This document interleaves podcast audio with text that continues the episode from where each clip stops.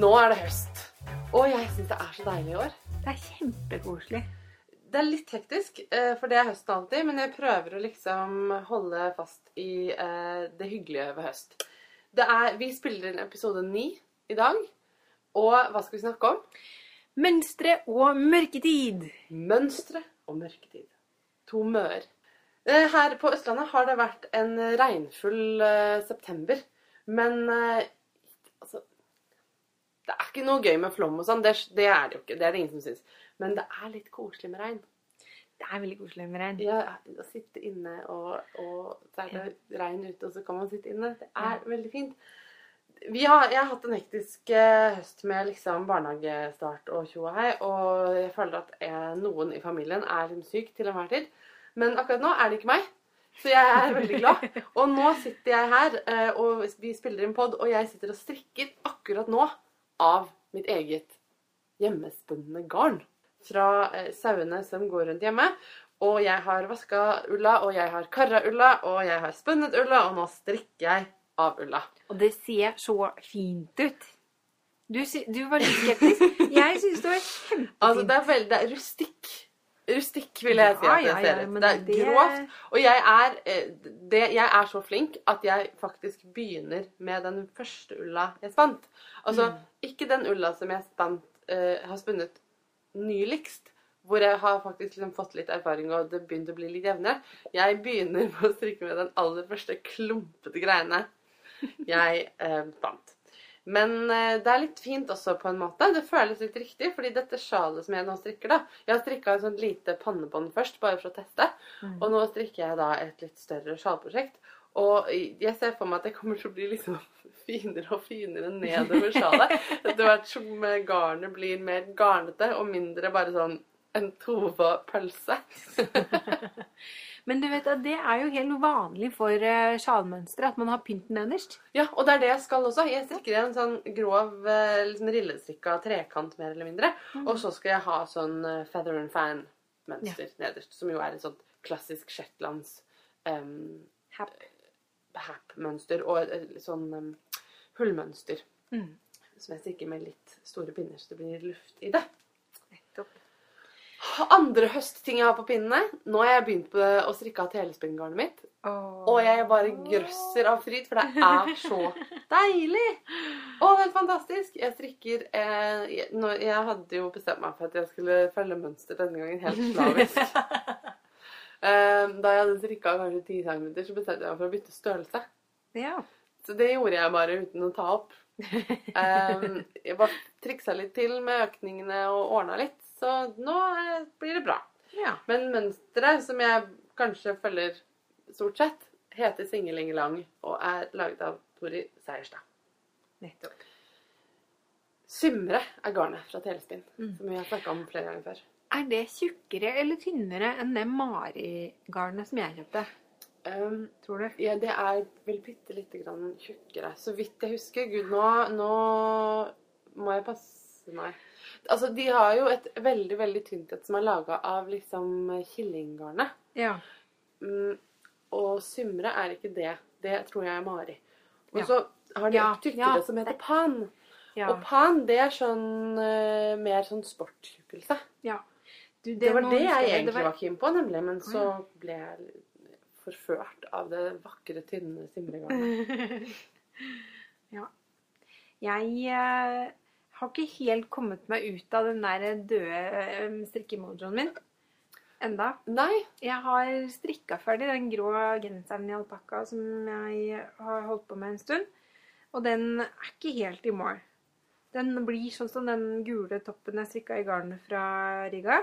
Som jeg, jeg tar opp og strikker og tar opp og strikker og tar opp og strikker. Ja. Nå er jeg jo kjempefornøyd med den gule toppen. Men den måtte ligge i skapet en måneds tid, tror jeg, før jeg kunne kose meg med å ha den på meg etterpå. Men den er veldig, veldig pen. Og fin. Den ble bra til slutt. Den ligger på Instagram for de som vil se den. Vi lenker til den. Ja. Apropos ligge seg til. Jeg har strikka ferdig det som eh, i mine kretser nå kalles for Marius-genserjævelen. det er ikke noe galt med Marius-genseren. Stakkar, fin genser. Um, i, og strikkinga for, er for så vidt ikke så veldig mye problem heller. Kjedelig med mye rettstrikke, bare sånn ikke så veldig utfordrende. Mm. Men uh, det var fin bilstrikk i sommer. Nå er alt strikking, all strikkinga ferdig. Ja. Hva gjenstår da? Oh, ja. Feste 70 millioner tråder. Og så skal man sy og klippe. Og det er gøy. Også klippe er gøy. Og da ønsker du å ligge deg til at noen kan ordne det for deg? Nei, ikke ligge meg til. Det ligger seg til. Jeg skal ikke ligge meg til noe som Det var liksom det du åpna med her. Nei, nei, nei. nei, nei. Overhodet ikke. Det var ikke det jeg annonserte. Åh. Poenget er det er morsomt å klippe, men det er ikke så gøy å montere. Nei. Eh, det er, jeg er ikke villig til å, til å tilby så veldig mye for at noen skal gjøre det for meg. Jeg har tenkt å la den ligge seg til. Oh, ja. Em, jeg har tenkt å bare la den litt sånn som du gjør med den gule genseren din før bruk. Ja. Em, jeg har tenkt å bare la det, de ferdige armene og den ferdige kroppen ligge litt i kurven innunder benken i stua Ja. til eh, en annen dag, rett og slett. Det er lenge til jul. Ja, det er lenge til jul. Det er akkurat det det er. Lenge. Ja.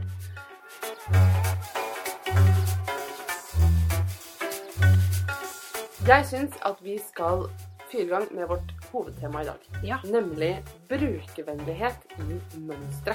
Og det er noe som mange har bedt oss om å snakke om. Som folk tydeligvis er opptatt av. Og vi har ganske mye å si om det, har vi ikke det? Det har vi mye å si om, ja. Mønstre er bra, mønstre er gøy. mønstre er noe vi alle liker, og det er noe som vi er helt avhengig av. Og med mønstre så mener vi jo oppskrifter. Ja, Strikkeoppskrifter. ja. Fordi Ikke mønstre- tapetmønstre eller Nei.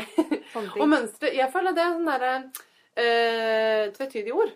Fordi at i mønster kan også bety liksom mønsteret på en vott, eller ikke sant? Altså Mm. eh, mer sånn diagram. Ja. Flerfargemønster, liksom. Eller er strukturmønster. Ja. Men oppskrift. Mønstre som oppskrifter. Ja. Fordi at eh, Ja, det kommer jo litt inn på etter hvert. At et mønster er jo gjerne både diagram og tekst. Mm. Og noen, noen foretrekker å se et uh, mønster som bare er diagram, men andre foretrekker bare tekst. I, når man strikker hullmønster, f.eks. Men om man skulle da tro at siden vi alle er så avhengige av mønstre, at alt ble skrevet på en sånn måte at det er enkelt å lese, eh, enkelt å skjønne Men sånn er det jo kanskje ikke alltid. Og det kan det være mange grunner til. Jeg har strikket både mønstre som er eh, enkle, og mønstre som er vanskelige, og mønstre som er eh, feil, og mønstre som er um, håpløst skrevet. Og feil i mønsteret. Det er jo noe av det mest irriterende som finnes. Ja. Men det er jo veldig vanlig òg. Jeg tror det er veldig vanlig, fordi jeg tror det er veldig vanskelig å unngå, på en måte. Ja. Um, jeg, alle som selger mønster, har jo enten teststrikkere eller såkalte tech editors. Ja. Altså, det, det er en, forresten en jobb som jeg bare syns er helt utrolig at noen har. Altså At jobben deres er å regne seg gjennom strikkemønsteret for å sjekke at det går opp. Jeg har gjort det for byggelsen òg. Fantastisk. Jeg bare Jeg syns jo at liksom mattebiten av strikking er liksom litt kjedelig, fordi jeg har jo bare lyst til å legge opp. Men det er noe helt annet når det ikke er ditt eget. Ja, ja, det er sant. Og så er det veldig spennende, og så har du det papiret foran deg som bare er tekst, og så vet man ikke egentlig helt hva det er. Så kan man liksom, mens man leser gjennom og regner seg gjennom, så begynner det å gå opp litt sånn smått og forsiktig. Ja. Mm, sånn kommer dette kanskje til å se. Det er litt gøy. Kult. Nesten litt sånn mystery knitting. Det, det, det krever litt sånn en type um, evne til abstrakt tenkning rundt uh, strikkemønster som jeg tror jeg ikke har. Jeg tror jeg er litt sånn der at jeg bare, når jeg følger mønsteret, at jeg, det blir, at jeg alltid blir litt sånn der Å ja, sånn ble det. Men du, apropos, nå husker jeg ikke hvor jeg hørte eller leste, men det er en Jo! I fucking love science Mm. på Facebook. En um, nettside på Facebook som har all mulig slags eh, faktaartikler. Hvor det står at en viss andel av befolkningen har ikke muligheten til å tenke abstrakt. Så Mm. hvis, du, hvis jeg sier til deg en strand med palmer og bølgesus og Ja, men det ser, det ser jeg med en gang. ja, ikke sant? Så ser du det for deg inni hodet. Det Ja. er noen mennesker som bare faktisk ikke ser noen ting, da. Nei, selv om de forstår betydningen av ordet, så blir det ikke bilder, liksom. Nei. Og jeg har jo en, jeg har jo en kontinuerlig langfilm gående inni hodet. Med Ja. alt som foregår, med samtaler med folk, eller ting jeg skal gjøre, eller ting jeg har sett eller lest, eller Ja. ting som fester seg. Det er veldig godt poeng. Veldig mange av de visuelle inntrykkene mine i løpet av en dag er bare inni hodet. Ja. Men- Men nå spora vi jo litt av. For vi skulle egentlig snakke om mønstre. Et mønster som jeg husker jeg sleit veldig med før jeg ble, fikk strikka litt, det var um, Marius-tunikaen fra Sandnesgarden. Mm. Og den um, er jo egentlig ikke vanskelig å strikke. Det Man begynner nederst og strikker seg opp, og da er det noen fellinger, for det er en A-formet tunika. Og så feller man til armene under, og så legger man opp til en rundfelt sal. Ja, for det er den som har uh, Marius-mønsteret rundt istedenfor med klipping og montering og hele Ja. pakka. Ja. Og det, er jo, det vet jeg jo nå, at det er jo ikke en spesielt komplisert konstruksjon. Mm. Men da husker jeg satt og vrei uh, hodet mitt og dro ut hår og var skikkelig frustrert. Og så bare tenkte jeg at jeg kan ikke gi opp, jeg må forstå det. Og jeg tror jeg lærte veldig mye av det ved å liksom presse meg gjennom. For til slutt, når jeg satt der med strikketøyet og liksom hadde det foran meg sånn, da var det, skjønte jeg det til slutt. Så nå syns jeg egentlig ikke at det er så innmari farlig alltid. Jeg syns ikke det gjør så mye om det er et mønster som er dårlig skrevet, fordi jeg kan stort sett klare å gjette meg til det Mm. selv. Men hva betyr det, da? Hva er et godt mønster? Altså, jeg mener, jeg tenker at folk har ulike behov, selvfølgelig. Noen er, eh, har strikka hele livet. Noen har akkurat lært å strikke. Og da har man jo kanskje litt ulike behov fra et mønster. Hvordan kan en strikkedesigner håpe å klare å lage et mønster som tilfredsstiller begge disse strikkerne jeg har skissert nå, da? Det kan man ikke, tror jeg. Jeg tror at f.eks. dette berømte mønsteret som jeg kjøpte i Stavanger, em, som jeg nå plutselig ikke heter, hva, husker hva heter Å, men du har snakka om det uh, i en eller annen episode når Ja, du snakka om, om- eh, men, Nei, forme. Ja, form- og felling-episoden. Ja. Det var et sånt mønster som var mange, mange sider langt. eh, Overforklarende mønster som gikk deg gjennom hele konstruksjonen av plagget. Hvordan man får til altså for stor byste, for liten byste, for brede hofter, for smale hofter, alt sånne ting. Den ga informasjon til veldig mange forskjellige kroppsfasonger og størrelser, som da du kan si 90% av brukerne ikke egentlig trenger. Ja. Men det lærte meg jo veldig mye om det å forme plagg. Ja, fordi jeg kan føle noen ganger når jeg strikker etter mønster, at jeg kan bli litt gal av for mye informasjon. Ja. Jeg liker litt at mønstrene jeg strikker etter, ikke tror at de må lære meg å strikke, hvis du skjønner. Ja. Og, men samtidig så er det jo altså Selv om du kan si at for lite informasjon ikke er et problem i Google-alderen altså Hvis du ikke skjønner noe, så kan du bare google det, og så finner du ut hva det som er meningen. Eller du kan spørre folk på Ravelry, liksom. Men det er jo noe med at når du har betalt penger for et mønster, så vil du gjerne at det skal um, Det skal ikke mangle noe, liksom. Men nei, men jeg strikker da For å trekke fram et eksempel på noe jeg likte. Det var da jeg skulle strikke Selbuåte for første gang.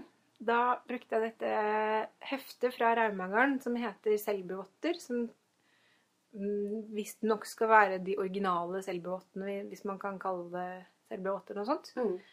Og først så trodde jeg at det måtte være noe feil, eller at jeg ikke kunne lese ordentlig, fordi det var et veldig kort avsnitt som var instruksjoner, og det var det. Og jeg bladde frem og tilbake i heftet og skjønte liksom ikke hvor det blei av oppskriften. Ja. Helt til jeg skjønte at det sto jo faktisk 'legge opp 57 masker', strikk 10 cm, start mønster, fell av. Det Ja. var omtrent så mye informasjon. Men det var at resten av informasjonen om hvordan man skulle øke til tommel og Det ligger i diagrammet, ikke sant? Ja! Og da trengte man faktisk ikke mer. Det var helt klin umulig å misforstå. For det var så presist og Hvis du bare følger diagrammet eh, når du drikker votter, så er det jo veldig vanskelig å gjøre feil. Og da ble jeg helt fascinert. Og så tenkte jeg at man trenger ikke mer, faktisk. Det er jo klart at Da kan man jo ikke ha en forventning om at alt skal være en ferdig pakke som du bare skal forstå med en gang. Nei. Det fins en annen løsning òg. Jeg sa at jeg strikker eh, Singelingelang av Tori Seierstad. Hun har valgt å på en måte putte all den informasjonen om hvordan man gjør de ulike teknikkene som kreves, i en egen bit. Altså Hun putter det først, og så kommer selve mønsteret. Og i selve det beskrevne mønsteret så er det veldig lite overflødig informasjon. Der står det bare forkortelser. Så hvis du f.eks. ikke skjønner hva svøp og snu betyr, så må du gå til ordlista og sjekke det. Og hvis ikke du skjønner det Altså, det står jo ikke det heller. Det står jo bare SOS, liksom. Mm. Um, og så må Ja. du gå ut, og der står det 'svøp og snø'. Hvis du ikke skjønner hva det er heller, da må du gå til front til begynnelsen av mønsteret, og der står det en bitte liten avsnitt, et bitte lite avsnitt hvor det er beskrevet. Ja. Det er en veldig fin måte å gjøre det på, på en måte. For da kan man gå og få den informasjonen man trenger, men man må ikke hvis man skjønner greia, liksom. Nei, og det har jeg brent meg på noen ganger. At jeg har eh, fått et sånn mønster som har veldig mye med beskrivelsen jeg egentlig trenger. Så jeg bare måker gjennom og strikker i vei. Og så har det stått en setning innimellom et sted der som har vært viktig, som jeg ikke har fått med meg. Det er liksom Det oppdager man jo selvfølgelig altfor seint. Det er jo um, Jeg føler at uh, alltid når folk snakker om mønstre og brukervennlighet, så får drops mye pepper. Ja. Har du strikka mye etter dropsmønster? Jeg har strikka noe, og jeg må si at jeg syns ikke det var helt håpløst. Det var ikke superbra skrevet heller, men jeg, hadde ikke noe problem med å strikke noe av det. Hovedkritikken mot uh, dropsmønsteret eh, kan vel oppsummeres med ett ord. Samtidig. Det er fordi dropsmønsteret har en tendens til å, til å være bygd opp sånn at det står sånn Nå strikker du videre i ribbestrikk, én rett og én vrang. Samtidig feller du på hver åttende maske og øker til tommelkile. Skjønner. um, sånn at det, det er masse parallelle prosesser som listes opp. Sånn at hvis man ikke på en måte leser hele mønsteret først, som det, man jo skal, liksom, da kan man risikere at man strikker i vei en rett og en vrang, og så plutselig så oppdager man at å ja, det var, det var en samtidig her også. Ja. Det er jo litt uh, ugreit, da. Noen ganger så føler jeg litt at sånne mønstre, som drops da er en, et eksempel på, det er på en måte levninger fra en tid der de som strikka etter mønster, var folk som kunne strikke fra før. Skjønner du hva jeg mener? Ja. At man på en måte bare innforstår at ja, ja, men du vet jo at du skal felle omtrent her i dette arbeidet. Sånn at de regner med at du på en måte følger med i timen, da. Ja, men det, ja, dette er jo et eksempel på et mønster, eller en type mønster hvor det hjelper å ha erfaring.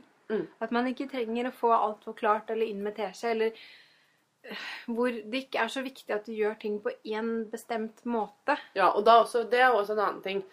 Hva, hva liker du når du f.eks. det skal felles? Mm. Liker du at det står 'fell én maske', eller liker du at det står liksom 'fell én maske ved å', og så forklart? Fordi vi har jo snakka om det i en hel episode, hvordan ulike fellinger får ganske ulikt uttrykk. Jeg øh, syns at det er øh, slitsomt å få den teksten midt inni. Mm. Jeg liker best sånn som du sa nå i sted, at man får en forklaring først i Mm. mønsteret. Og det, jeg ser noen mønstre da, de har en forklaring som sier at i dette prosjektet her, så velger jeg å bruke en felling som ser sånn og sånn ut, fordi at jeg vil få fram det og det uttrykket. Men fell på den måten du vil, eller ja. Mm. Og det, da, når det da står i teksten 'fell én', så gjør jeg det enten sånn som jeg husker at jeg skal gjøre det, eller eh, ja. Eller som du føler. Ja, Det viktige da er jo selvfølgelig at man gjør det konsekvent gjennom hele prosjektet. Sånn at det ikke f.eks. Uh, slip, slip, knit eller knit two together litt om hverandre. For da går jo maskene i forskjellige retninger. Ja. Hvis du skal ha en raglan-felling f.eks., så er det greit at det ser likt ut. Og der, nå sa jo du dette på engelsk. Ja. Det er også mange som mener at det er ganske ulike sånn, tradisjoner innenfor uh, norsk og engelsk eh, -hmm. Og det kan jeg for så vidt si meg enig i. Det er Hvis jeg skal på en måte Min magefølelse sier at norske oppskrifter kan ha en tendens til å inneforstå mer. Og f.eks. si sånn Fell tre masker. Mm. Mens at i engelske oppskrifter er det veldig ofte spesifisert hvordan du skal felle. Og mange syns jo det er lettere å strikke etter engelske oppskrifter enn norske fordi at de får mer em, konkret informasjon, da, eller mer konkrete instrukser. Jeg tenker at det kanskje det Altså amerikanisering av uh, strikkekulturen Eh, det er jo litt, I USA er det advarsler på pappkaffekrusene om at innholdet kan være varmt. Ja. Altså, det er slem, da, men det er den der å ha ting inn med teskjekulturen. Det fantastiske med internett er jo at hvem som helst kan publisere mønstre, og så Mm. når det ut til veldig veldig mange mennesker. Så mange som kanskje ikke er utdanna innenfor tekstildesign, eller har en lang karriere innenfor det allikevel, lager mønstre nå. Altså helt Mm. vanlige mønstre med vanlige, jobb, vanlige folk med vanlige Ja. jobber lager mønstre fordi det er gøy. Og jeg syns jeg merket i mange tilfeller at mange er livredde for at det ikke skal forklares godt nok, eller for at det ikke skal levere et godt nok produkt som, fordi de tar seg betalt for det. Mm. At alt må forklares i hjel. Og da blir jeg, fordi jeg da gjerne liker litt eh, kortere mønstre, enklere mønstre, litt oppi Jeg er interessert i å, å få vite hvor mange masker som er lagt opp for å få til et, mønster, et plagg som har Det trenger ikke jeg vite, for det stemmer aldri med min strikkefasthet allikevel. Nei, men det, det som mønsteret egentlig forteller meg, er å gi noen indikasjoner på hvordan det plagget blir eh, fra å være en liten liten garntråd til å se ut sånn som det gjør der. Og mm, da er det ikke nødvendigvis alle forklaringene som er like interessante, men mer framgangsmåten. Mm. Jeg har et eksempel på et veldig dårlig mønster. Det er altså Dette er Helga Isager. Jeg vil bare si med en gang at jeg syns at Helga Isager er en kjempeflink designer. Og jeg er veldig, veldig eh, glad i hennes mønstre. Jeg strikker jo flere av dem, og det blir super, superfint. Og hun bruker gjerne litt sånn uvante teknikker. Og det er kanskje der det begynner å bli litt vanskelig noen ganger. Fordi at hun er også da veldig kjent for å være ha dårlige mønstre. Er hun det? Ja. Oi. Jeg har lest på Ravelry mange diskusjoner om at oh, selvfølgelig, dette er jo like håpløst som alle de andre mønstrene. eller noe. Og det er ikke alle mønstre som er håpløse, altså, men for eksempel da, den fine, søte jakken jeg strikket som heter Daffodil. Det er en, en liten cardigan som har et hullmønster som går diagonalt på hvert eh, forstykke med en V-hals. Og så går det da i V-er bak på ryggen. Mm.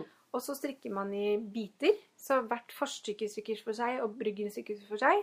Og armhulene, de er ikke like på forstykket, eller foran og bak. Som vi har snakket om på form av felling-avsnittet, Mm. så dette er en mer sånn mm, anatomisk korrekt modell, Ja. vil jeg si. Men Du lager stoffstykker som, Ja. som matcher kroppen, istedenfor å lage et stoffstykke som eh, legger seg rundt kroppen, liksom. Mm. Ja. Og så syr man det sammen. Og da skal da disse diagonale linjene møte hverandre i den sidesammen. Og det ser veldig pent ut. Det er veldig gjennomtenkte detaljer. Men det er vanskelig å skrive ned dette her, da, kanskje. Og det hun har gjort, som jeg ikke fatter at hun tror har vært lurt, det er en Altså, man begynner helt på vanlig måte. At man skriver de forskjellige størrelsene sånn før og ut, etter klammer. Så at du har small medium først, og så er det medium large i parentes, og så er det large extra large utenfor. Mm. Det er greit. Eh, og da kan det f.eks. se ut som at du har strikk fire i small, eh, strikk seks i medium large inni parentesen. Og så kanskje da på ekstra large at der har du begynt å strikke mønster allerede. Så der skal du da kanskje strikke fire, strikk to sammen, eh, yarn over, hva heter det på Ja. norsk? Um, omslag. Omslag. Ja. Strikk tre, for eksempel. Og de, den instruksjonen der, den skyldes jo med kommaer. Ikke sant? Strikk fire, Oi, strikk ja. to sammen, garn over. Nei, herligheten. Omslag!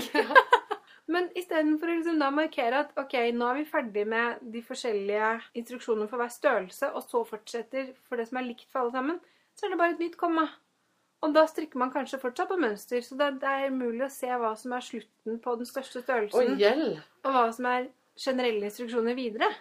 Det høres veldig forvirrende ut. Ja, det var veldig forvirrende. Det tok veldig lang tid før jeg skjønte, og jeg måtte lese veldig mye rundt omkring på Ravelry før, jeg da, Mm. før det gikk opp for meg at åh, selvfølgelig, det er jo sånn jeg skal strikke det, for da så jeg også på diagrammet. Mm. Og Det Ja. krever ganske mye av strikkeren, da. Og ganske mye Ganske stor grad av innsikt i strikkeprosessen før du egentlig strikker. ja, Vi pleier jo litt sånn halvfleipete å si at vi anbefaler å aldri lese hele mønsteret før du går i gang. Og en del av meg holder litt på den, men det er mest et råd til folk som syns at mønsteret er veldig avskrekkende. Ja. Men jeg kan i hvert fall Jeg vet ikke, Kanskje jeg mangler bitte litt den der evnen til å se ting veldig for meg når jeg bare har tall og sånn å forholde meg til. For jeg syns det er veldig vanskelig å lese oppskrift når jeg ikke sitter og strikker. Jeg begynner å tenke på noe annet. Jeg begynner å tenke på hva jeg skal på middag og hva jeg skal strikke. Ikke minst. liksom. Ja. Fordi jeg syns strikking er mye morsommere enn å lese mønstre. Mm. Um, så jeg liker å bare fyre i gang jeg, og så lese litt sånn etter hvert. Jeg må innrømme at noen ganger så kan jeg sitte og kose meg veldig med å bare lese mønstre. Fordi Jeg jeg kan- ikke kan strikke akkurat der og da. Så bare jeg tenker på, og så skal jeg gjøre sånn. Og så skal jeg gjøre sånn. Å, det blir gøy! Jeg kan kose meg med å se på mønsteret, men jeg pleier ikke å lese oppskriftsteksten, liksom. Jeg pleier mest å se på bilder og drømme og liksom leke at jeg kan kjenne garnet under fingrene. Apropos kjenne garnet under fingrene. Når jeg sitter og strikker i dette um, um, egenspunne garnet, det er så mye lanolin i det. Så jeg er helt sånn her jeg har vært litt tørr på hendene i det siste, så dette er helt sånn ideelt. For nå er jeg ikke tørr på hendene lenger. Jeg er bare helt sånn behagelig Hva heter det på norsk? Moisturized. Kremet konsistens. Det var ikke det jeg mente. Eh, Ja. Behagelig. Ja. Lanolinisert på hendene. Men du vet hva jeg tenkte på også eh, i den forbindelse med at det kan bli litt mye å lese gjennom hele mønsteret. Ja. For eksempel nå så har jeg kjempelyst til å begynne å strikke en sånn eh, vintage-mønster. ja, du lager prøvelapp på fjeset. Ja.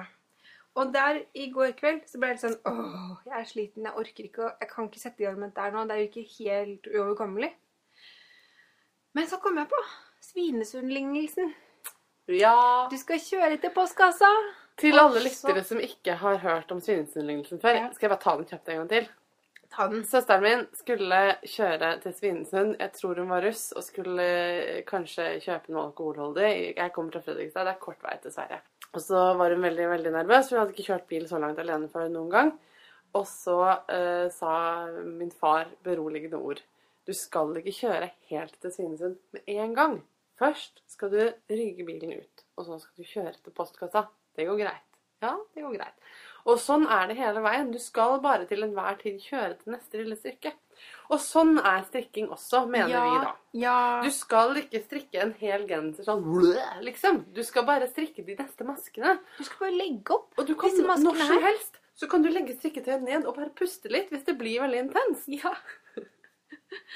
Det går helt fint. Det kommer til å gå bra. Ja, så det er- hjelper meg veldig mange ganger eh, når jeg føler at eh, mønstrene er litt sånn uoverskuelige. Det er Jeg bare begynner. Jeg begynner litt sånn stille og forsiktig. Et, et annet eh, spørsmål. Hva, hva, tenk, hva tenker du om Vi har snakket nå om, uh, om betalmønstre. Tatt og gitt at man betaler penger for mønstre. Ja. Hva tenker du om gratismønstre? Krever vi eh, mindre av dem? Er det greit med feil i gratismønstre? Nei, kanskje ikke. Men det er jo litt teit å legge ut et mønster med masse feil. Mm. Og så skjønner jeg at noen, eller jeg har sett noen som da sier at ok, det er mange som har bedt meg om å legge dette mønsteret her. Jeg, har ikke, jeg er ikke designer, jeg har ikke ork til å regne ut alt sammen, så her er notatene mine. Ja. Da syns jeg alt er greit. ja. Og det er jo en helt Altså en helt Ja. fair play, liksom. Er det et helt mønster, så har jeg nok kanskje en liten forventning om at det burde være noenlunde riktig, men det er jo også vanlige folk som har sittet på, på fritida si og gjort dette her, og Ja. legge, dele med seg for å være hyggelige. Så jeg syns ikke man kan akkurat sende sinte mail og, og, og komme og klage. Nei, det blir litt voldsomt. Ja. Jeg tror, tror jeg har ganske mye mindre strenge krav til gratismønstre. Men ofte så er det f.eks. designere som har noen gratismønstre også. Og da har de ofte de gratismønstrene ute som en slags sånn fiskekrok. ikke sant? At hvis du strikker dem og liker dem, så kanskje du kommer tilbake og kjøper et betalmønster seinere. Da er det jo litt viktig for dem at de gratismønstrene funker så bra som mulig. Det må man få sagt. Pickles gjør dette her ganske ofte. De, når man skal strikke raglan-felling eller økning f.eks., så gjentar de ofte Strikk de tre masker før første markør. Eh, slipp, slipp, knit. Flytt markøren. Knit two together. Strikk til neste markør. Og så hele det lange avsnittet der, det gjentas. For hver gang man kommer til et sånt Det, det blir jeg sliten av. Og det, det gidder jeg ikke å lese. For alle, de- jeg tenker, Hva er det som er poenget her? Jo, Mm. poenget øke eller felle ved hver markør. Ja. Og så skal man kanskje bare øke på armene. Eller Mm. felle på armene. Men det går det an å bare si. Ja. Så det syns jeg Det eh, handler jo litt om å forholde seg til plagget du strikker som et plagg også før det er ferdig. mm, Og skjønne litt opp og ned på det. Ja. Um, det. Og det tenker jeg er noe av det som er deilig med å være litt, litt god til å strikke. Mm. At man lærer seg, som vi har snakka om før, å lese strikketøyet. mm. Og Ja. se plagget eh, Skjønne hvor du er hen. Liksom. liksom. Mm. Og at hvis noen sier 'nå skal du bare felle på armene', så klarer du å skjønne hva det innebærer. da. Ja. Men jeg tror Pickles har valgt det bevisst. Jeg tror jeg spurte om det en gang. Det er fordi at de ønsker at oppskriftene skal Mm. være veldig forklarende. Og de har jo veldig mange enkle oppskrifter som er veldig tilgjengelige for nybegynnere, Ja. som kanskje vil ha ting. Jeg tenker at kanskje eh, egentlig drops og pickles er litt sånn ytterpunkter når det gjelder norske strikkemønstre. altså i hver sin ende. At drops innforstår kanskje litt vel mye, mens pickles er veldig sånn derre eh, Som sier alle tingene helt ut. Og litt sånn holder deg i hånda hele veien. Men det er jo Men det, kan, det, altså, det er jo veldig bra for forskjellige strikkere. Jeg sier ikke at noen av delene er dårlige. Jeg stiller meg Nei. nøytral i drops-pickles-debatten. Ja, ja det, det vil jeg også si. Pickles har jo som standpunkt at det skal være enkelt å strikke. Gjerne for nybegynnere. Mm. Så det er jo et bevisst valg fra deres side. Og til syvende og sist, så meg, det viktigste for meg, det er jo at de lager noe fint som jeg har lyst til å strikke. Mm. Og så tar man det derfra. Har du noen gang gitt opp et mønster? Oi! Enten fordi det var for vanskelig, eller fordi at det, det var for dårlig? Nei, det tror jeg faktisk ikke. Du, det er ikke for å høre eh, teit ut, men jeg tror faktisk ikke jeg har funnet et mønster ennå som jeg ikke har klart å strikke. Jeg tror man klarer. Hvis Ja, man, ja, ja, no, jeg har funnet et mønster som har vært utfordrende, liksom. Ja, Hvor jeg har måttet vri hjernen litt. ja, ja. ja. Um, det Men det var mer sånn i begynnelsen. Da hadde jeg, Sånn som den Marius-tunikaen. Da, da hadde jeg lyst til å pælme hele driten i peisen og bare Ja. gå min vei. Det var flere Jeg er, sånne også, jeg er litt lat, så jeg tror nok det er flere ganger jeg har liksom ikke giddet. Ja. Fordi at jeg syns at ting bare er litt for krevende. Mm. Jeg har begynt på den, jeg, den, den er ikke et godt eksempel, fordi jeg skal strikke den. Jeg har kjøpt garn og egentlig lagt opp til en strikkejakke som heter Honeybee Cardigan. Mm. Og det er veldig morsomt, fordi det er en på jobben, hei Signe, som eh, så at jeg hadde begynt den som prosjekt på Ravelry. Så da tenkte hun åh, da begynner jeg å strikke den også, for da kan jeg spørre Marte om ting underveis. Så hun har strikka i vei på den, og så er det bare det at jeg har ikke strikka i vei på den i det hele tatt. Så nå blir det omvendt isteden. Jeg syns det er helt topp. Signe er eh, veldig flink til å strikke, så jeg kan bare spørre henne når jeg da eh, begynner å strikke på den. For den har litt sånn herre Mye Altså, det er mye hullmønster. Det var derfor jeg bestemte meg for å legge den bort. Den er så fin. Jeg fikk baby, og jeg var litt sånn her Hjernen min virker ikke. Jeg kan ikke strikke så komplisert mønster nå, liksom. Jeg må vente til jeg ikke har babyhjerne lenger. Det, er- Um, der minnet du på meg et mønster jeg har gitt opp. Jaha. Det var en eh, topp fra Vogue Knitting som Ja, den har du fortalt om før. I hvert fall til meg. Jeg vet ikke om du har fortalt den til podden. Nei, jeg tror ikke til den. Den, eh, på bildet så er det en veldig selvfølgelig vakker, pen jente som sitter med et stort sånn prinsessestrutteskjørt. Som kanskje ikke er rosa eller noe. Og så har hun på seg en strikketopp som er litt vintage-inspirert. Med litt høyt eh, liv ribbekant. Og litt sånn korte armer, men litt vide korte armer. Og krage. Og så går det da fire forskjellige hullmønstre i fire forskjellige farger, som selvfølgelig er veldig fine sammen. I Altså, de går diagonalt i en slags V foran, da. Mm. Eh, og det er typisk Altså, der må man konsentrere seg hele tiden mens man strikker, ikke sant? Og det som da stoppa seg for meg, det var at det, når det først har begynt nede, så begynner du på ett hullmønster. Og det var ikke sånn superenkelt man husker av seg selv nødvendigvis. Og så når du endelig begynte å komme litt inn i det, da begynner du jammen på nummer to. Som den spissen som stikker ned, ikke sant. Så Ja. skal du både skifte farge en stund og begynne på et nytt tilmønster, men allikevel fortsette på det første. Mm. Der gikk jeg sur, og til slutt så ble jeg så irritert at jeg bare Åh, det gidder jeg ikke. Nei. Det skjønner jeg. Men det var noe med garn. Jeg hadde valgt litt feil garn, og alt ble litt sånn slapt og kjipt. Så ja, den ga jeg opp.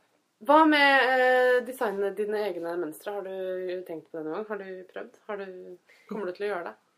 Jeg har tenkt på det.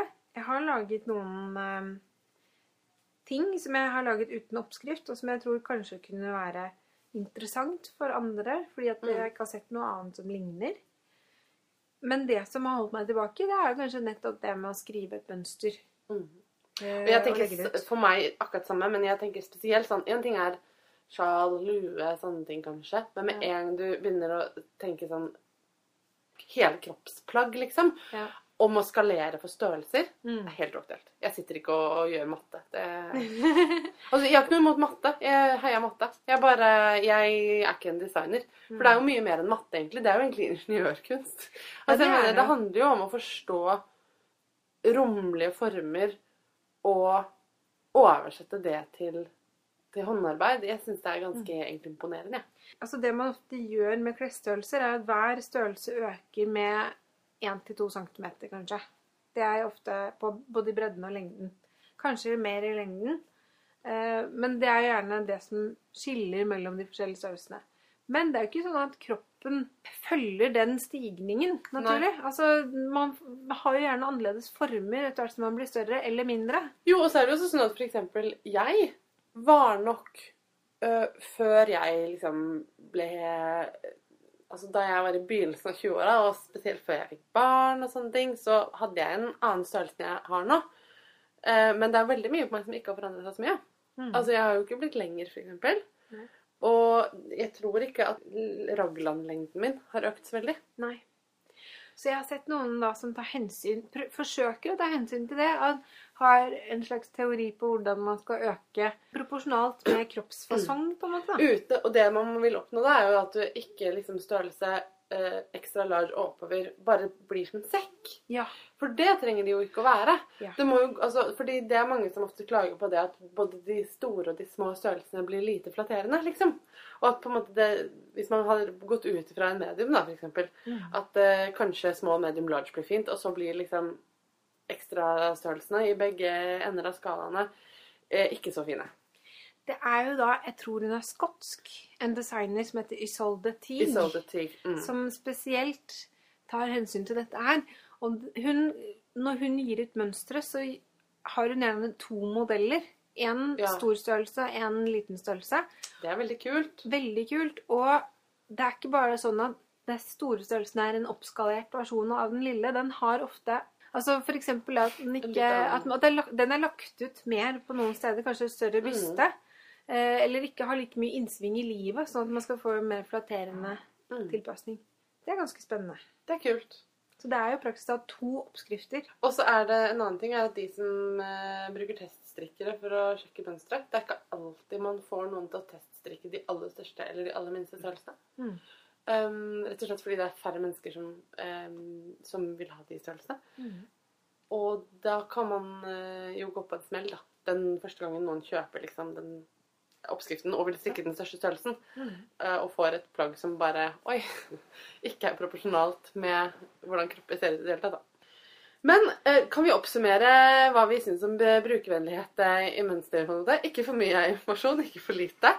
Det kan være lurt å putte detaljert informasjon kanskje et annet sted enn midt inni selve mønsteret, sånn at det går an å eh, bruke mønsteret uten å forholde seg til veldig detaljerte beskrivelser av teknikker samtidig. Og så kjenner jeg at jeg er veldig fan av å ligge unna sånn samtidig som konstruksjonen. Det, ja, det kan jeg være enig i, men det handler jo om eh, konstruksjonen av plagget, da. Det er jo designvalg. Ja, Altså, Jeg som- vil tenke at det er lett å unngå hvis man f.eks. sier Istedenfor bare å si sånn Strikk videre i ribbestrikk en rett en vrang. Samtidig som du. Så kan man si Nå skal du strikke em, ribbestrikk og øke. Og så sier du hvordan. ja, ja, at man, du får en advarsel. Eller du kan si nå skal du øke til, um, til hånda, hvis det er vått det er snakk om, f.eks. Mm. Samtidig som du fortsetter å strikke Ja. i ribbestrikk. Eller nå skal du minske felle for ermer, samtidig som du fortsetter å strikke mønster. Ja. Og så kan du på en måte gi forklaringen. Det er jeg helt enig i. En liten setning, liksom. Mm. Det er jo ikke enkelt å skrive mønstre som alle blir fornøyd med. Altså, Man kan jo aldri gjøre alle fornøyde med alt. Men jeg har kjempestor respekt for designere og den Mm. jobben de gjør. Virkelig.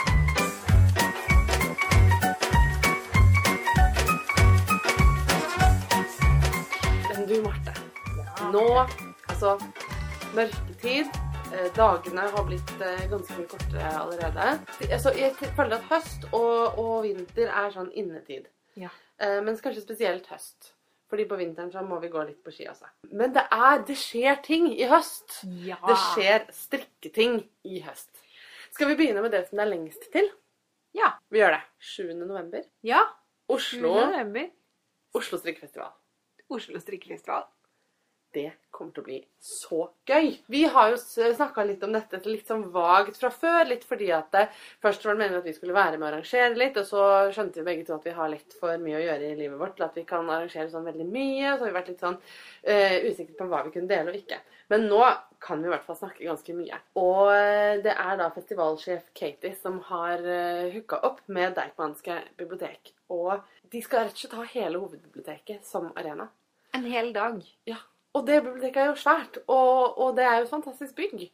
Og det kommer til å bli, det kommer til å bli høytlesning, som jo er en av mine favorittting å kombinere med strikking. Mm -hmm. Det kommer til å bli Jeg tror det kommer til å bli både strikkeboksalg og garnsalg. Mm -hmm. Jeg vet at det skal være en sånn strikkeførstehjelpsstand.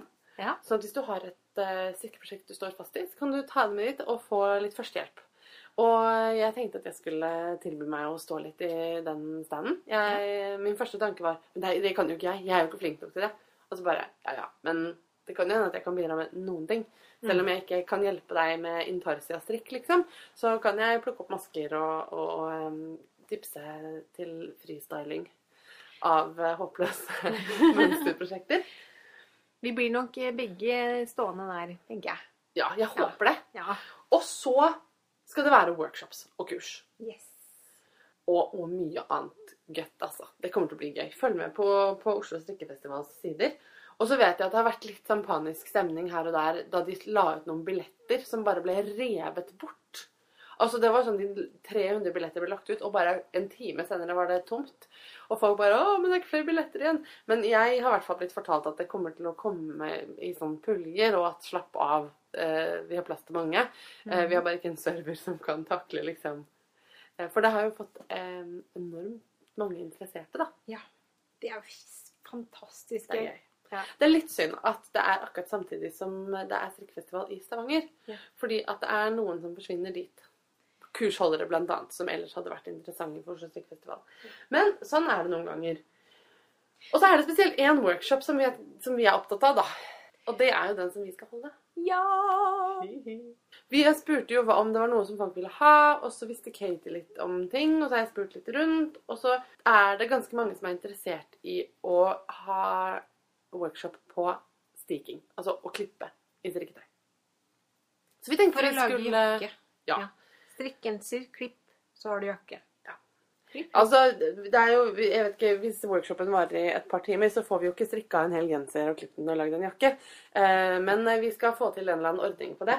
Eh, det er ikke, vi har ikke noen påmeldingsinformasjon ennå. Det må dere vente på. Mm. Men det tenkte vi at vi skulle workshoppe om, i hvert fall. Mhm. Gøy! Kom og klipp i strikketøy med oss. Det er ikke skummelt. Vi holder deg i hånda. Ja, det skal vi gjøre. Og jeg tror det blir en eh, eh, hyggelig greie på kvelden også, som vi kanskje eh, også skal være med på. Da kommer dere til å se oss, og kanskje også høre oss, sånn som dere er vant til. Ja. Vi tar med opptaksutstyr. Jeg sier ikke mer. Oslo Å, men det er akkurat det man trenger, og man trenger det i november. Det er Ja. perfekt. Ja, ja, ja, ja, men sånn.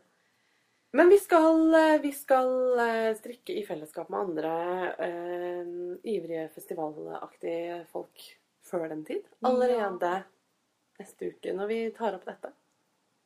Ja, 2. oktober. 2. oktober. På Norsk strikotasje Trikotasje, ikke strikotasje. Nei. Norsk trikotasjemuseum i Bergen. Ja! Ulveka blir arrangert for andre gang i perioden 25.9. til 4. oktober. Og den foregår i Hordaland og Rogaland på en gang. Det er, de kaller det en festveke med ull i fokus. Og det, blir, eh, det er masse kurs og aktiviteter og sånne ting i toving og strikking. Jeg så på, på nettsiden deres eh, i stad og bare ble overvelda over liksom spennet i aktiviteter. Det kommer til å være eh, sauesanking, saueklipping, fotoutstillinger, eh, strikk og drikk, foredrag som de da eh, nennsomt staver med Å. får Ja, hår. jeg Jeg bare det. Å, face palm, men litt morsomt likevel. Nei! Kjempegøy! Og markeder av ymse slag. Eh, det blir boklansering. Annemor Sundbø lanserer boka si eh, som heter 'Bælsau og samspill'. Og var, den tittelen får meg bare til å grøsse. Det er jo helt fantastisk. Bælsau og samspill. Jeg, jeg er solgt der. liksom. Ja. Uh, og Jeg har minst sett forsida. Vet du Ja. hva? Det er en sau på forsida. Det er det, eller? Ja. Det foregår litt sånn eh, flere steder, og der eh, arrangementet i Ulveka er et samarbeid mellom bl.a. Hillesvåg og Nordhordland Huslidslag, Norsk Trikotasjemuseum, som er de som har tatt kontakt med oss, og litt eh, flere. Du, Marte. Mhm. Spørsmål. Jeg har tenkt at jeg, jeg skal flytte i november. Ja. Fordi at vi har kjøpt leilighet. Hurra! Marte har kjøpt leilighet! Yay! Jeg kan ikke kjøpe mer garn da. Fordi jeg, jeg kan ikke flytte mer garn enn det jeg har. Nei. Men i en sånn situasjon som dette her Hillesvåg-garn har jeg aldri strikka med før. Nei. Og så plutselig så er jeg der på en festival. Sånn, man får lov til å kjøpe litt da. Ja. Det er nesten eh, påkrevet, syns jeg. Ja, ikke sant? Altså, autentisitet er en eh, det er, det er viktig at du er liksom genuin. Handler lokalt. Ja, det også. Ja. Men det vi skal fram til her, egentlig, det har vi jo ikke sagt ennå, um, er hva vi skal gjøre på Ulveka. Skal vi gjøre det akkurat det vi gjør nå, egentlig? Ikke å prate. Ja. Det er altså Norsk Trikotasjemuseum som har tatt kontakt med oss og spurt om vi vil være med på strikkekafé. Og det vil vi. Fredag kveld. Ja, og der tenkte vi rett og slett at vi skulle livepodde. Malla. Eller det vil si, vi skal uh, snakke litt og strikke litt. Ja. Og så tar vi med oss opptaksutstyr og spiller inn når vi prater. Og hvis lydkvaliteten blir bra nok, da tenker jeg at episode 10 eh, heter eh, Live at Ulveka. Ja. Og jeg har vel fått høre også at eh, det, denne kvelden her så blir det muligheter for eh, eh, litt eh, godt å drikke. Mhm, Og eh, litt musikkinnslag, -hmm. tror jeg. Så det tror jeg kan bli en Jeg gleder meg veldig. Det blir veldig hyggelig. Veldig god. Så alle som befinner seg i bergensområdet, må ta turen den kvelden. Til Salhus. Til Salhus. Vi lenker til uh, invitasjonen, tenker jeg.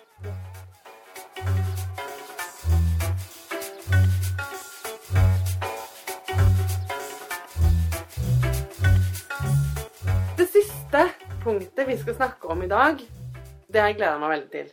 Eh, Det, det er, er, passer veldig bra inn med temaet eh, mønster og mørketid.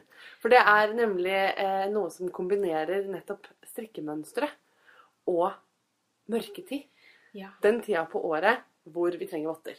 Det begynner litt kaldt på pusselankene. På pusselankene, da trenger du votter. Jeg har gleda meg litt til en bok som kom eh, veldig nylig ut, som heter 'Eventyrvotter'. Som er skrevet av en gjeng med damer som kaller seg for Vottelauget. Og eh, så var vi så heldige at eh, Ann Myhre, også kjent som Pinneguri, plutselig tok kontakt med oss og spurte om vi hadde lyst til å få en bok som vi kunne gi bort til noen som hører på podkasten. Ja! Og ikke bare det, hun har sendt med to nydelige nøster med Jameson Smith-garn. Og det er ikke hvilket som helst garn. Det er eh, garn som jeg i hvert fall egentlig har lyst på selv. Men det, det går. Vi er jo ikke, vi er Foreløpig er vi jo en, ikke en sponsa pod, men vi tar gjerne imot eh, ting som vi kan gi videre til lytterne våre og snakke litt om. Og vi kan love dere at vi sier vår ærlige mening om den. De tingene vi får. Og vår ærlige mening om denne boka har vært der. Det at den er innmari, innmari fin. Det er så fin det. Åh! Ja, da den er knallfin. Vottelauget de har gitt ut to e-bøker før. 'Votter fra Eventyrskogen' og 'Flere votter fra Eventyrskogen'. Og mm, dette er den første mm, papirboka. Mm. Jeg tror den inneholder en del av de samme mønstrene. Mine favorittvotter, jeg går rett dit, fra denne boka. Det er Og nå husker jeg plutselig ikke hva de heter, jeg tror de heter blåbærvottene kanskje bare. De er i hvert fall, de har sånne små bær på hele. Og de er så fine. Og jeg har sett noen som har strikka dem med blå, og noen som har strikka dem med rød, altså blåbær eller tyttebær. Og noen som har strikka dem i liksom alle regnbuens farger, Ja. som også er en kul idé. Jeg lurer på om bildet på boka det ser ut som det bruker sånn uh... Skiftende garn Ja. i ett på ett av dem. Kauni flerfarget Mm. garn. Sånn Kauni? Nei, Eller ikke kauni? Kauni. Å gud, jeg aner Jeg ikke. er ikke jeg. Tror man kan velge. Det der garnet som mange strikker. Ja. Ja. Flere favoritter. Bukkene Bruse syns jeg er så fint. Fordi der har du de der krøllete hornene på bukkene som minner meg litt om værende hjemme. Mm. Og den siste favoritten min, det er Gullfuglen. Jeg er så heldig at jeg har fått inngå et håndverksbytte Oh. med Karin, min, min venn på Folkemuseet, som hun kan eh, nålebinde. Ja. Jeg skal strekke gullfuglmåtene til henne, og hun skal nålebinde en tevarmer til meg. Fordi jeg har jo Det vet kanskje ikke alle, men jeg har en relativt stor samling med tekanner. Jeg tror jeg har 13 stykker. Det er også påkrevd i og med at du er halvt britisk, Marte. Ja, det, det kreves faktisk for å få passet. Det britiske passet. Ja, nettopp. Du må eie minst, eh, minst fire tekanner. Eh, jeg har da 13, så jeg kvalifiserer. Men jeg mangler tevarmer til den største tekanna. Ja. Så uh, Karin skal få lov til å liksom nålebinde en skikkelig Kembo-tevarmer til meg, og så skal hun få votter i retur. Du, for en fantastisk julegave i det. Ja, det syns jeg dere skal gjøre, lyttere. Ja. Håndverksbytter Ja, For da får du noe fint, og så gir du noe fint til de som faktisk vet å sette pris på. Ja, for det det er tingen. Å strikke votter til noen som vet hva det vil si å strikke votter, det er ganske fint. Mm. For da vet du liksom at vedkommende skjønner da, at du har liksom lagt 40 timer Mm. på denne votten. Og hjemmestrikkede votter, det vil jeg si er eh, pur kjærlighet på en kald vinterdag. Mm. Tenk at noen har sittet der i time etter time og jobba for deg. Koselig. Men eh, du hadde et par favoritter i eh, eventyrvotteboka. Ja. Jeg har skrevet eh, Revenka på deg. Åh, den er, den er altså bare Revenka-eventyret er fantastisk. Ja. Og så er det en vott med små rever på. Og de andre dyrene som er i Revenka. Ulven Ja. og bjørn. Herligheten, de er mye Å, kulere enn jeg enda trodde Det, var. Og det er litt fine farger, for det er sånne revete farger. Ja. Så jeg mener. Mm. Sånne rødbrune farger. Åh, fantastisk. Og så var det den pene Snøhvitvatn. Ja. Det er ensfargede hvite med en hullmønster på. Mm. Og de passer perfekt til et oransje Jeg må strikke dine det var snøklokker, så får det bli rustklokker eller noe. da. For jeg har jo sånn rustoransje garn som er sikkert et skjerf av, som er kjempefint. Mm. Men nå begynte det å bli kaldt på lankene, og da trenger jeg votter. Jeg tenker også at de var litt sånn der isprinsessevotter. Sånn, Ja. Litt sånn når man skal jeg vet ikke, gå på skøyter i en iskald vinterdag. Å, fint. Mm. Vi, uansett eh, hvor mye vi egentlig har lyst til å forære den boka til oss selv, Mm. så kan vi jo ikke det. Nei. Vi må gi den videre sammen med da garn nok til å strikke et par votter. Så vi kjører en liten høstkonkurranse. Og vi har tenkt litt frem på hvordan vi skal gjøre det uten at det skal bli for mye jobb å kåre en vinner, og at det skal bli fint og tilgjengelig for alle. Og vi har landa på at vi gjør en Instagram-konkurranse. Så hvis du ikke har Instagram, så må du komme deg på Instagram for å være med på denne konkurransen. Det jeg tenker på nå plutselig, Man kan jo legge ut bilder på Facebook-siden vår òg. Ja, det er greit. Vi aksepterer det òg. Vi har noen kriterier. Det er en høstbildekonkurranse. Og vi kårer vinneren ved å velge ut hvilket bilde vi syns er finest. Rett og slett. Høststrikk. Bildet må inneholde høst. Det må inneholde strikking. Ja. Og du må hashtagge med 'mønster og mørketid'. Det er navnet på denne episoden. Mønster og mørketid i ett ord. Ja. Det er hashtaggen. Jeg kjenner at jeg blir litt nervøs og spent når jeg bare har sagt det nå. Fordi en del av meg tenker sånn Tenk om ingen legger ut bilder! Jeg kan legge ut bilde av Marte. «Å, Kanskje vi vinner? Og det hadde vært helt fantastisk. Ja, men nå blir det jo problem hvem man skal vinne. da. Da må vi bli enige om hvem som er det fineste bildet. Oh, det er jo meg. Ja, eh, Det kan hende vi skal prøve å kåre en vinner som ikke er en av oss. Jeg tror at vi får napp, fordi at jeg har sett at det er flere som har uh, tagga veldig fine bilder på hashtaggen vår Marte og Marte. Ja, og det blir vi så glad for. Veldig Det er så hyggelig å se andres eh, bilder på hashtaggen vår. Og bare vite at dere er der og følger med oss. Det er så hyggelig. Ja. Det er faktisk veldig veldig hyggelig. Og jeg føler at jeg møter stadig flere av folk som har hørt på poden vår i flere ulike sammenhenger, og det er alltid så hyggelig. Takk for at dere hører på. Takk for at dere hører på. Så bli med i vår høstkonkurranse, Mønster og mørketid. Vinn Vottelaugets eventyrvotter og garn til å strikke dine egne eventyrvotter. Følg oss på Instagram. Følg oss på Facebook. Og snakk med oss på Facebook. Ja. Det er gøy. Og med det så tror jeg vi takker for denne gangen. Og eh, håper alle har et eh, deilig, høstlig og brukervennlig mønster i de kalde og forhåpentligvis stadig kaldere dagene. Ha det, Marte. Ha det.